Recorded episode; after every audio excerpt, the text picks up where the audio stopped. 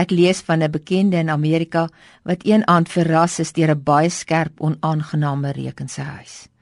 Die gasmaatskappy het hom verseker daar's nie 'n gaslek nie. Die brandweer het uitgekom om te kom help en om verseker hierdie reuk kan net een oorsprong hê. 'n Muisond het kom besoek af lê. Nie een plaagbestryder wou die taak aandurf nie. 'n Mettertyd het die muisond se besoek vervaag en die gesin het gewoond geraak aan die muisondreuk. Maar almal wat kom besoek af lê het, het vreemdskugter ver, verneem wat ryk so. Tot een aand toe die muisond hulle weer met sy onaangename afweermiddel kom verdryf het. Dit was toe dat hulle besluit het of die muisond of hulle sal moet gaan. Dit kan nie langer so aanhou nie. Toe hulle ondersoek instel, was daar 'n muisond familie onder hulle houthuis woonagtig. Hulle kon nooit suksesvol van die muisond se reuk ontslaa raak voordat hulle nie die muisond familie verwyder het nie. As dit vir jou voel of jy uit jou lewe wil ontsnap, As dit vir jou voel asof jy vandag wil sê tot hier toe en nie verder nie. As dit nie meer vir jou lekker is by die huis, by die werk en in Suid-Afrika nie. As jou gedagtes besig is om jou uit die veilige ruimte van jou eie lewe te verdring en jy vasgevang geraak het in moeilike omstandighede.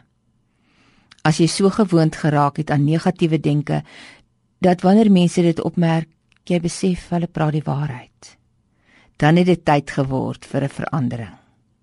Want as jy aanhou om te dink, te voel en te doen wat jy nou doen, gaan jy oor 10 jaar nog steeds dieselfde lewe lei. Niks gaan verander voor jy nie verander nie.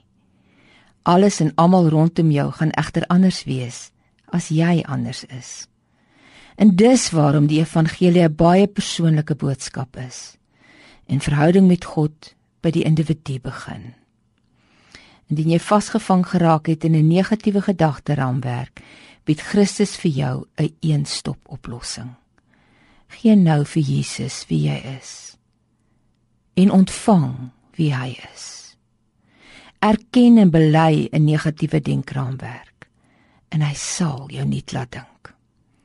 Romeine 12 vers 2 verskaf effektiewe plaagbeheer teen negatiewe gedagtes. Pas dit toe en ek kan jou verseker van positiewe resultate. Moenie jou leefstyl aanpas by die gedragspatrone van hierdie wêreld nie. Laat God toe om jou te omvorm, deur jou denkpatrone te vernuwe. En dan sal jy goed kan onderskei wat hy wil hê dat jy moet doen. Naamlik dit wat goed en aanvaarbaar en reg is.